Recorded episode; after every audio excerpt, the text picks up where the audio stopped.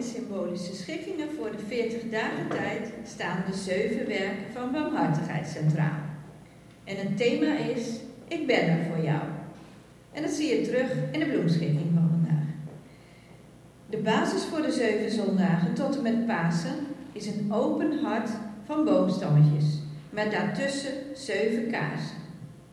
Een hart dat open staat voor de ander.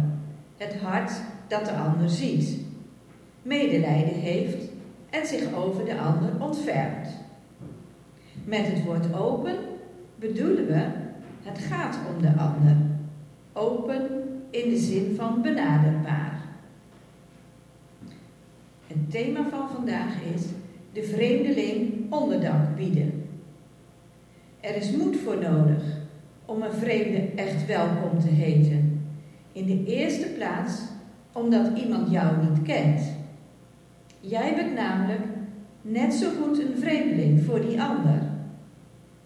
De eerste stap is dus om elkaar beter te leren kennen. Dat kan pas als je iemand er echt durft te zien. Een mens, net als jij, met mooie en minder mooie kanten. En tenslotte, als je de ander toestaat jou echt te zien. Een mens, net als hij, met mooie en minder mooie kanten. En als dat lukt, dan gaat de rest vanzelf. En bij de schikking, onderdak geven, is ook het zorgen voor veiligheid en een thuis. Dat heb ik verbeeld met een vogelnestje. Een warme en veilige thuisplaats. Het nestje ziet u bij de opening van het hart. Verder een groot blad als dak wat beschermt tegen regen en wind. En daarnaast een klein vaasje met viooltjes. Dat nederige, kleine bloemetje mag schuilen in geborgenheid. En er branden vandaag vijf kaarsen.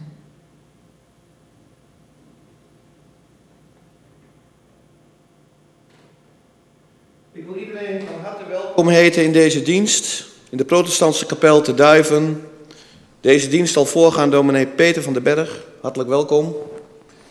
Deze dienst is live online te beluisteren, evenals die van de komende zondag en de diensten in de Stille Week en Pasen. Ik wens u allen een gezegende dienst toe.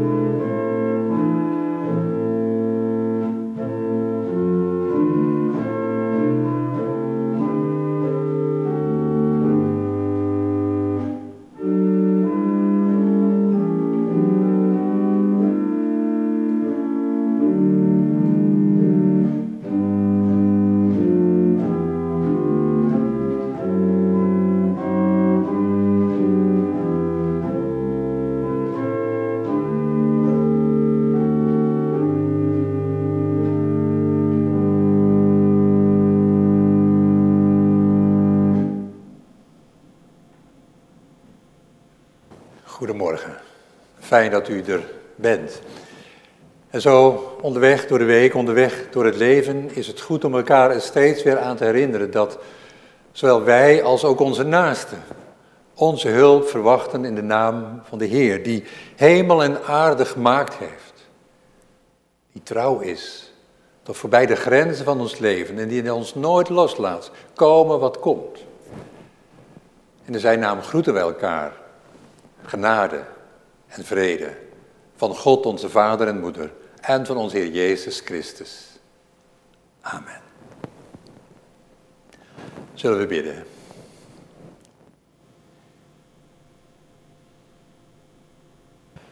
Barmhartige Vader, ieder van ons is, is op zijn of haar weg door het leven aan het zoeken. Zoeken naar erkenning, naar respect, naar waardigheid, naar leven in vrede. Ieder van ons zoekt naar zin, naar toekomst, naar vredevol samenleven.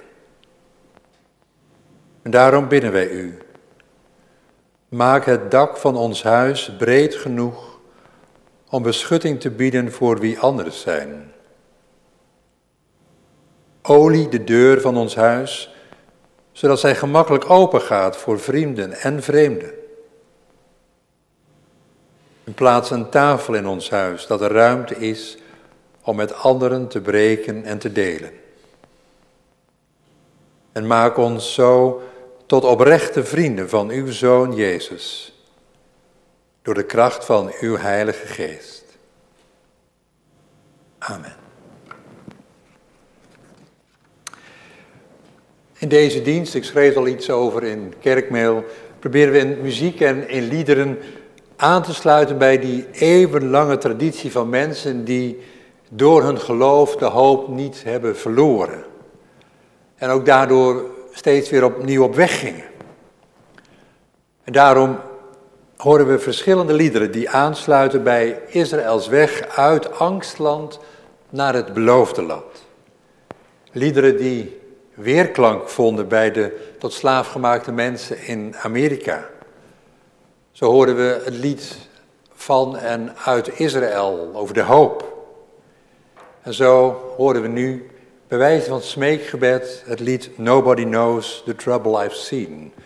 Een gebed tot God die onze noden en onze problemen kent. Luisteren we naar Nobody Knows van Paul Robeson.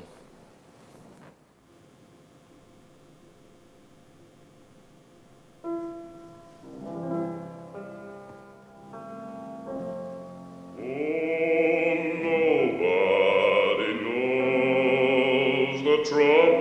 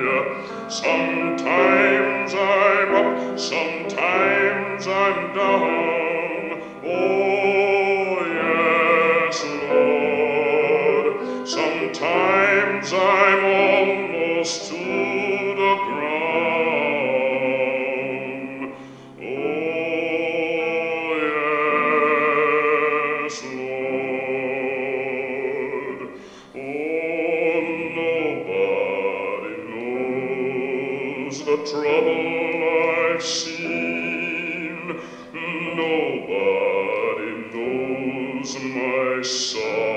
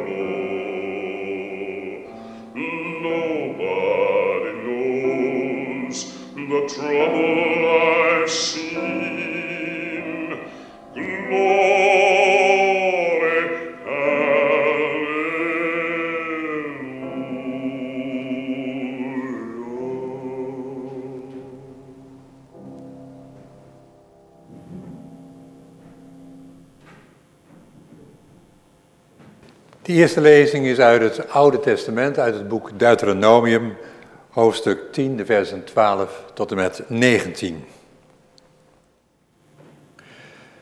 Israël, bedenk dus dat de Heer, uw God, niets anders van u vraagt dan dat u ontzag voor hem toont. Dat u de weg volgt die hij u wijst. Dat u hem lief hebt. Hem met hart en ziel dient en zijn geboden en wetten, die ik u vandaag voorhoud, naleeft. Dan zal het u goed gaan. De Heer die vrij kan beschikken over de hoogste hemel en over de aarde en alles wat erop leeft, heeft toch alleen voor uw voorouders liefde opgevat en uit alle volken juist u, hun nazaten, uitgekozen. Besnijd daarom uw hart en wees niet langer halstarrig, want de Heer uw God is de hoogste God en Heer. Hij is de grote, de machtige, de ontzagwekkende God. Hij handelt zonder aanzien des persoons en is onomkoopbaar. Hij verschaft weduwen en wezen recht, neemt vreemdelingen in bescherming en voorziet hen van voedsel en kleding. Ook u moet vreemdelingen met liefde behandelen, want u bent zelf vreemdelingen geweest in Egypte. Er is moed voor nodig, zei Mikael, om de ander te ontvangen. Moed dat Mozes eerst ontbrak, maar hij ging toch. Go down Moses.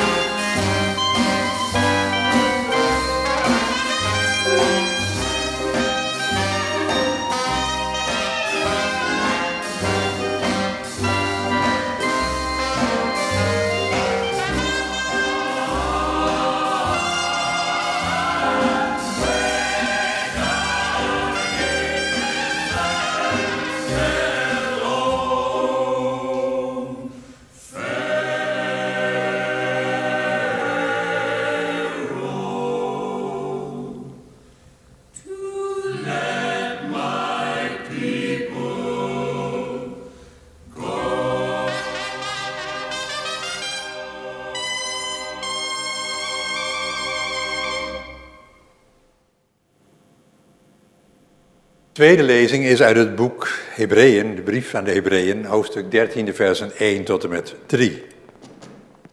Waar geschreven staat, houd de onderlinge liefde in stand en houd de gastvrijheid in ere. Want zo hebben sommigen, zonder het te weten, engelen ontvangen.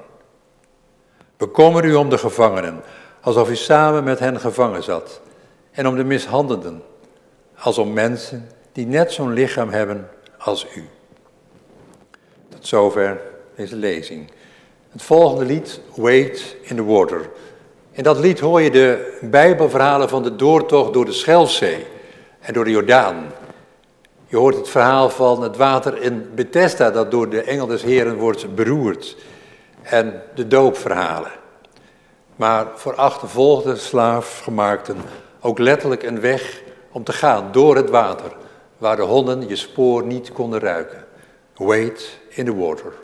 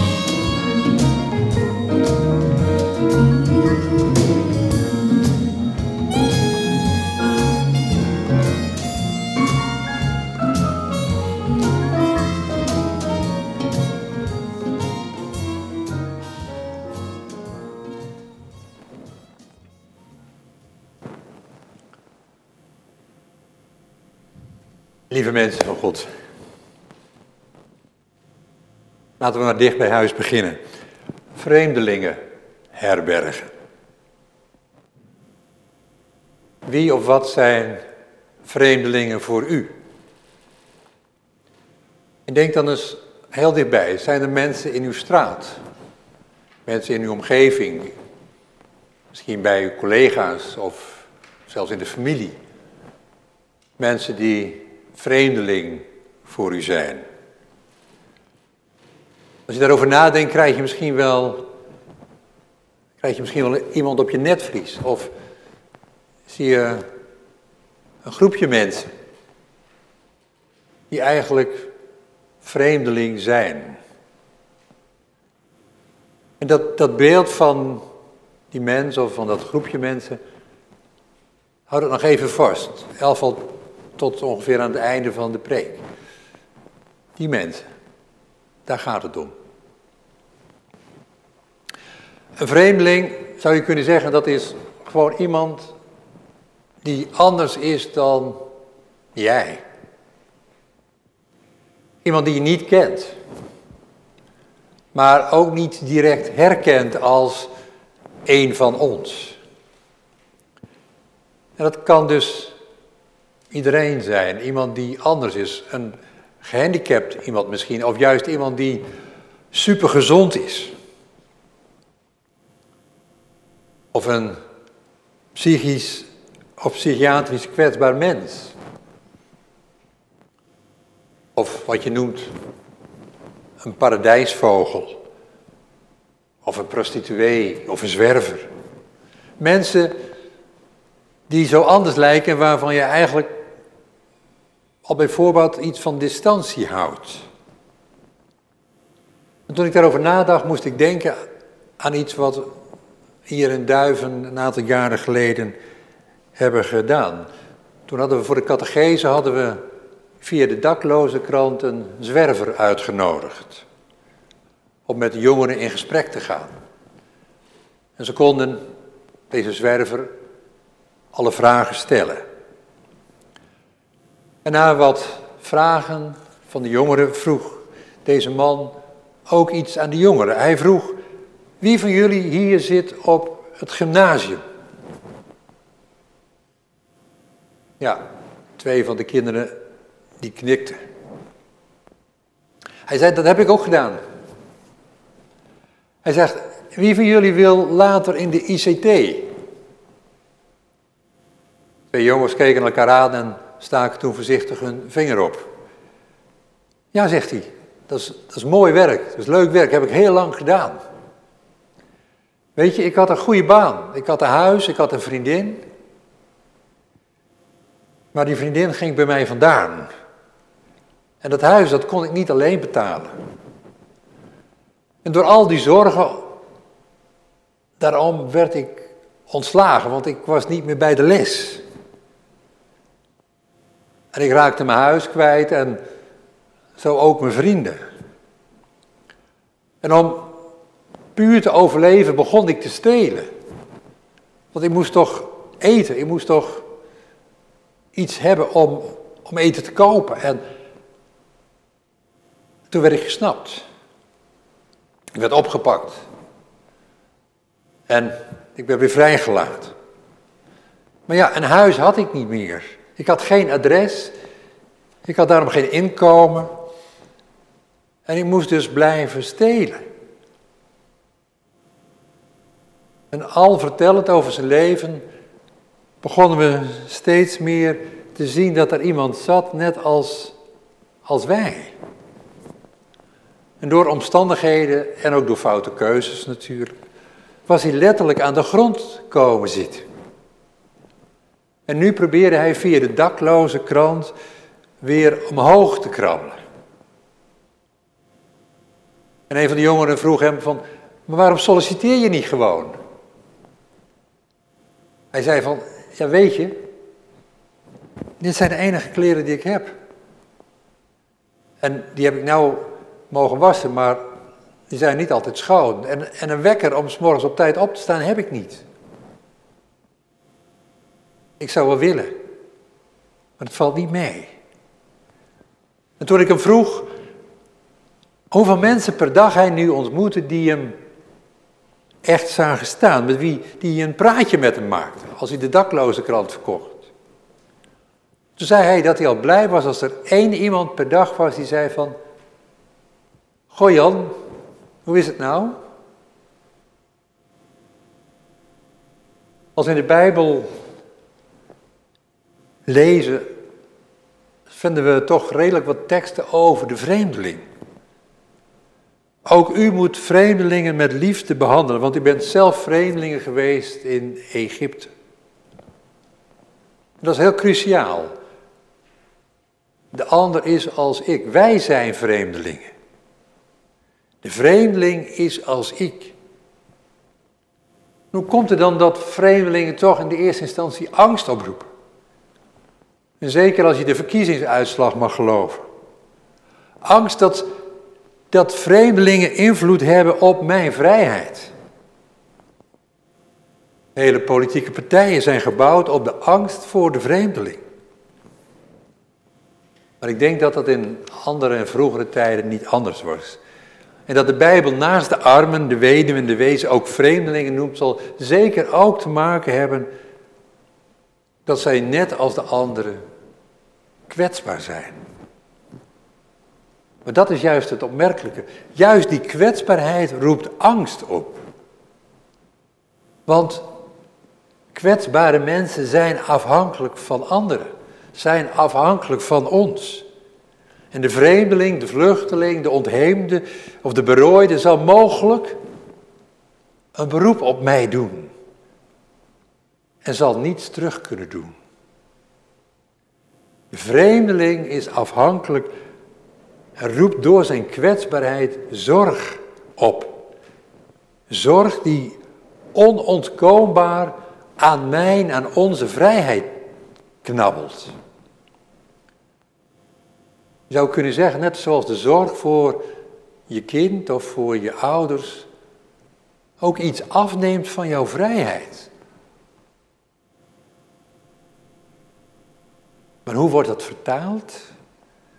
De vreemdeling pikt een deel van ons inkomen in, een deel van onze banen, een deel van onze huizen, van onze vrouwen, van onze vrijheid, van onze cultuur. Zorg voor de kwetsbaren dat verkocht, verkocht wordt als het stelen van mijn vrijheid. En dat daarom ook zo geniepig is, omdat het ook voor een deel waar is. Maar het is alleen waar als je leven ziet, niet als samenleven.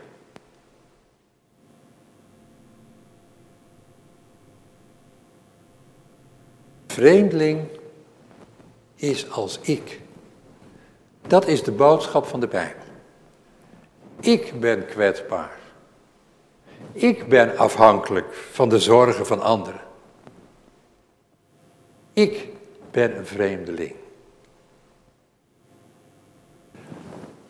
Dat is bijna letterlijk, zo zou je het kunnen zeggen, waar voor mij.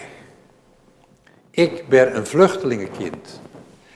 Want in de Tweede Wereldoorlog moest mijn vader vanwege de honger vanuit Rotterdam naar het Groningse platteland. Want daar was eten. Daar was een onderkomen. En later inderdaad ook een vrouw. Vreemdeling is als ik. En in mijn eerste gemeente, Reden de Steeg, sprak ik toen nog veel mensen die zich heel levendig de evacuatie konden herinneren van Arnhem. Van al die mensen die wat spullen op een kar of een kruiwagen geladen hadden en vluchten. En in de omgeving onderdak proberen te vinden. En soms niet meer konden omdat iedereen al vluchtelingen had opgenomen. En ze hadden een huis, ze hadden een inkomen. Maar vanaf de ene dag op de andere moesten ze weg. Het was ontroerend om te horen hoeveel mensen een kamertje, een schuurtje vrijmaakt voor deze mensen.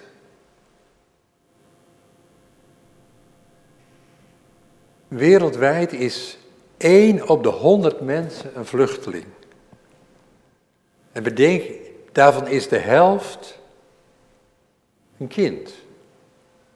Vaak zonder ouders. En twee derde van alle vluchtelingen worden opgevangen in naastgelegen landen, die vaak even arm zijn. En van alle vluchtelingen is 20%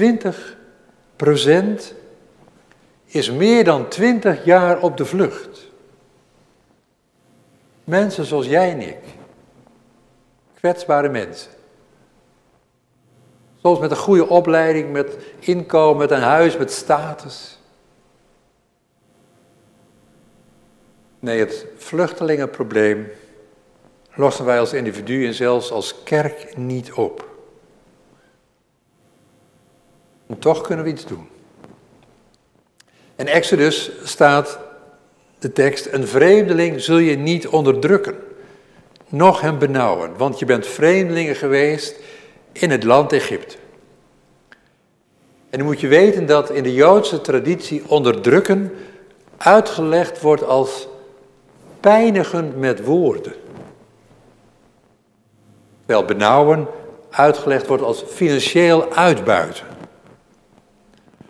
Maar je zou dus kunnen zeggen, onderdrukken, als je dat wilt voorkomen, dat betekent verbale zorgvuldigheid. Ik bedoel dit. Hoe praat je over mensen die anders zijn? Zie je als mensen zoals jij en ik. Want vreemdelingen zijn niet per definitie goede mensen. Of slechte mensen. Niet per definitie sterk of zwak, niet streng gelovig of op seks beluste mannen. En ze zijn heus niet leuker of aardiger. Maar ze zijn wel medemens. En die persoon waar jij aan dacht aan het begin, toen ik je vroeg van wie heb je nou op je netvlies? Die ene man in de straat, dat gezin, die collega, dat familielid. Het werk van barmhartigheid, van barmhartigheid begint om die vreemdeling te herbergen in jouw woorden.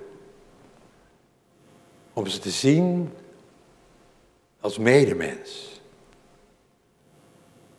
Laten we dan ook zo over, over ze spreken en niet meepraten en wat anderen zeggen. We kunnen meer. Gelovige mensen, christenen, kunnen meegaan in die cultuur van angst voor de vreemdeling die onze samenleving in de greep heeft. En laten we eerlijk zijn, dat doen we nog maar al te vaak. In onze woordkeus, in ons stemgedrag, in ons afschermen voor andere culturen. Maar de Bijbel roept ons op om een andere weg te gaan. De weg naar de vrijheid. De weg die Mozes ging, die de profeten gingen. Maar zeker ook de weg die Jezus ging. De uitdaging en de oproep is om ook in deze Jezus proberen te volgen. Want hij bracht hoop en vertrouwen in de toekomst, juist voor mensen die kwetsbaar waren, die anders waren. Hij zag ze als mens, als schepsel van God. Maar besef ook dat hij werd uitgestoten. Het kost hem de kop. Dus laten we niet denken dat het gemakkelijk is om tegen onze cultuur van angst en wantrouwen in te gaan. En toch, en toch zijn er in de geschiedenis mensen geweest, christenen, gelovigen, gemeenschappen, kerken, die, hoe moeilijk het ook was, probeerden op te komen voor de kwetsbaren. Die vreemdelingen herbergden. Mensen die slaven opvingen en ze naar de vrijheid brachten. Mensen die kinderen ophalen uit vluchtelingenkamp. Mensen die met hun hoofd, handen en hart stemmen tegen een cultuur van angst. Dat is niet simpel. Als je ziet wat ze te horen krijgen via Twitter, via Facebook, de haatmails.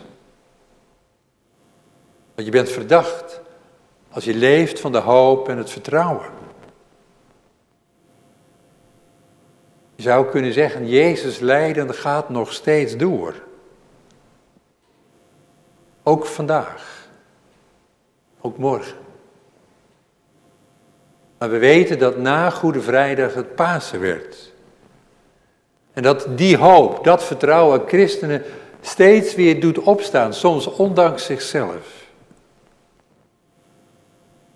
Want zij durven geloven dat deze wereld in Gods hand is. Hij verschaft weduwen en wezen recht, neemt vreemdelingen in bescherming en voorziet hen van voedsel en kleding. En wij, wij kunnen ervoor kiezen om mee te doen.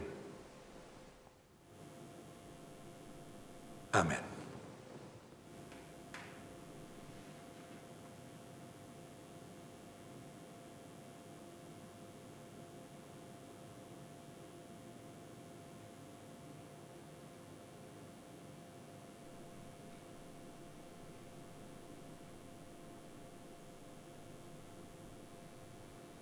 Luisteren we naar he, He's got the whole world in his hands.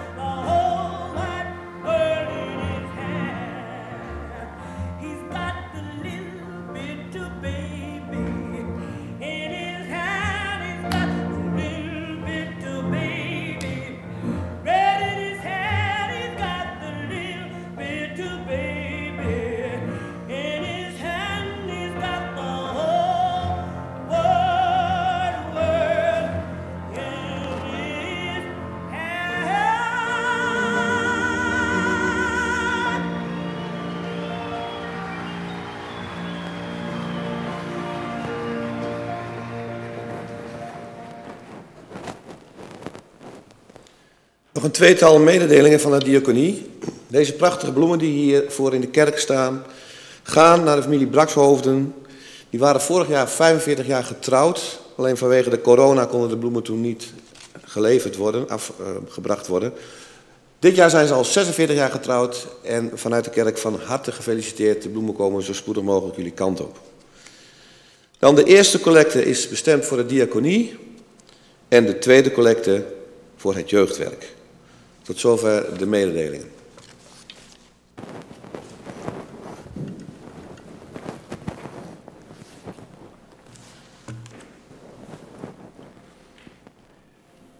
We willen dan samen bidden en danken en onze gebeden afsluiten met een gezamenlijke Onze Vader.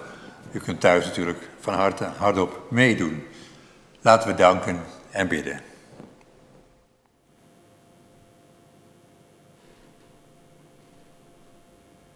Barmhartige en trouwe God. Wij danken u voor uw Zoon, die een onmogelijke weg mogelijk maakte. Die koos voor de kwetsbare mensen. En barmhartig was voor hen die zondigden. Maar daardoor mobiliseerde hij ook de tegenkrachten die nog altijd werkzaam zijn.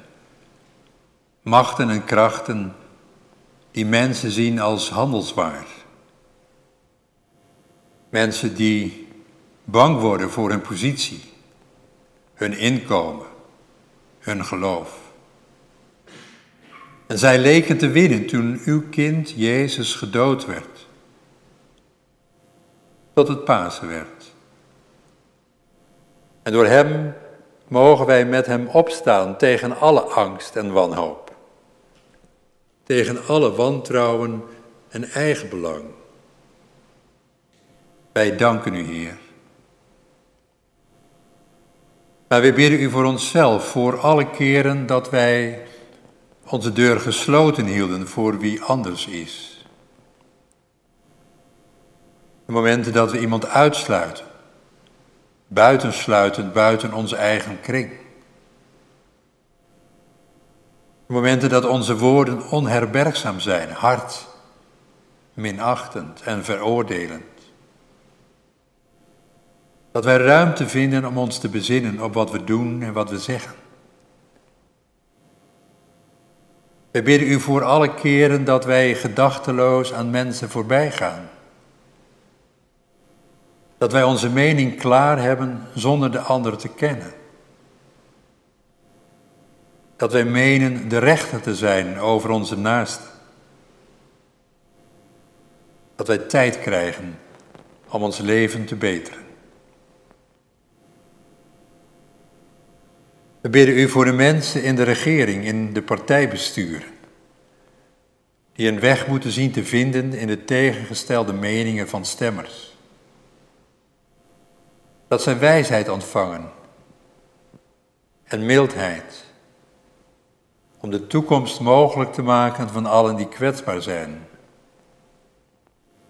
Dat leven samenleven is met elkaar, met de dieren, met de natuur. Ja, ook voor de toekomstige generaties. Dat wij tijd krijgen om ons leven te beteren. We bidden u, vooral de mensen in onze kring die ziek zijn, die bang zijn voor wat er komen gaat. Mensen die worstelen met hun inkomen met hun gezondheid, met hun liefde. Heer, u kent hen. U weet wat ieder van ons nodig heeft. Wilt u hen omgeven met uw liefde, met uw trouw en hen mensen geven die iets van u laten zien. Wij bidden u in de stilte en leggen aan u voor wat te persoonlijk is om hardop te zeggen.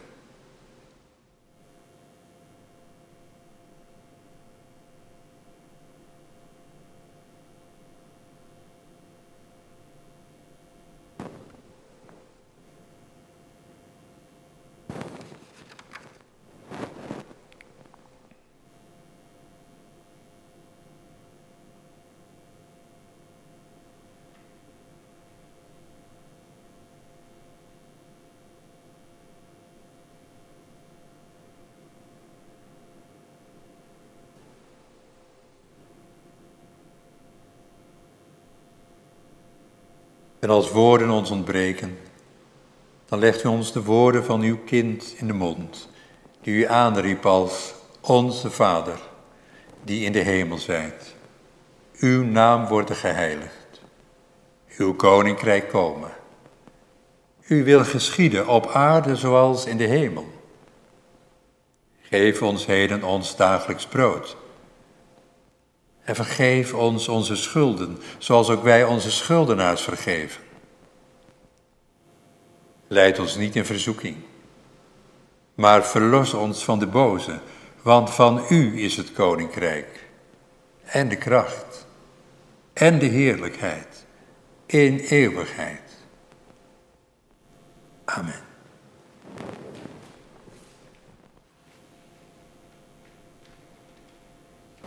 Ons slotlied, opstaan morgen, weg je sluiersdans.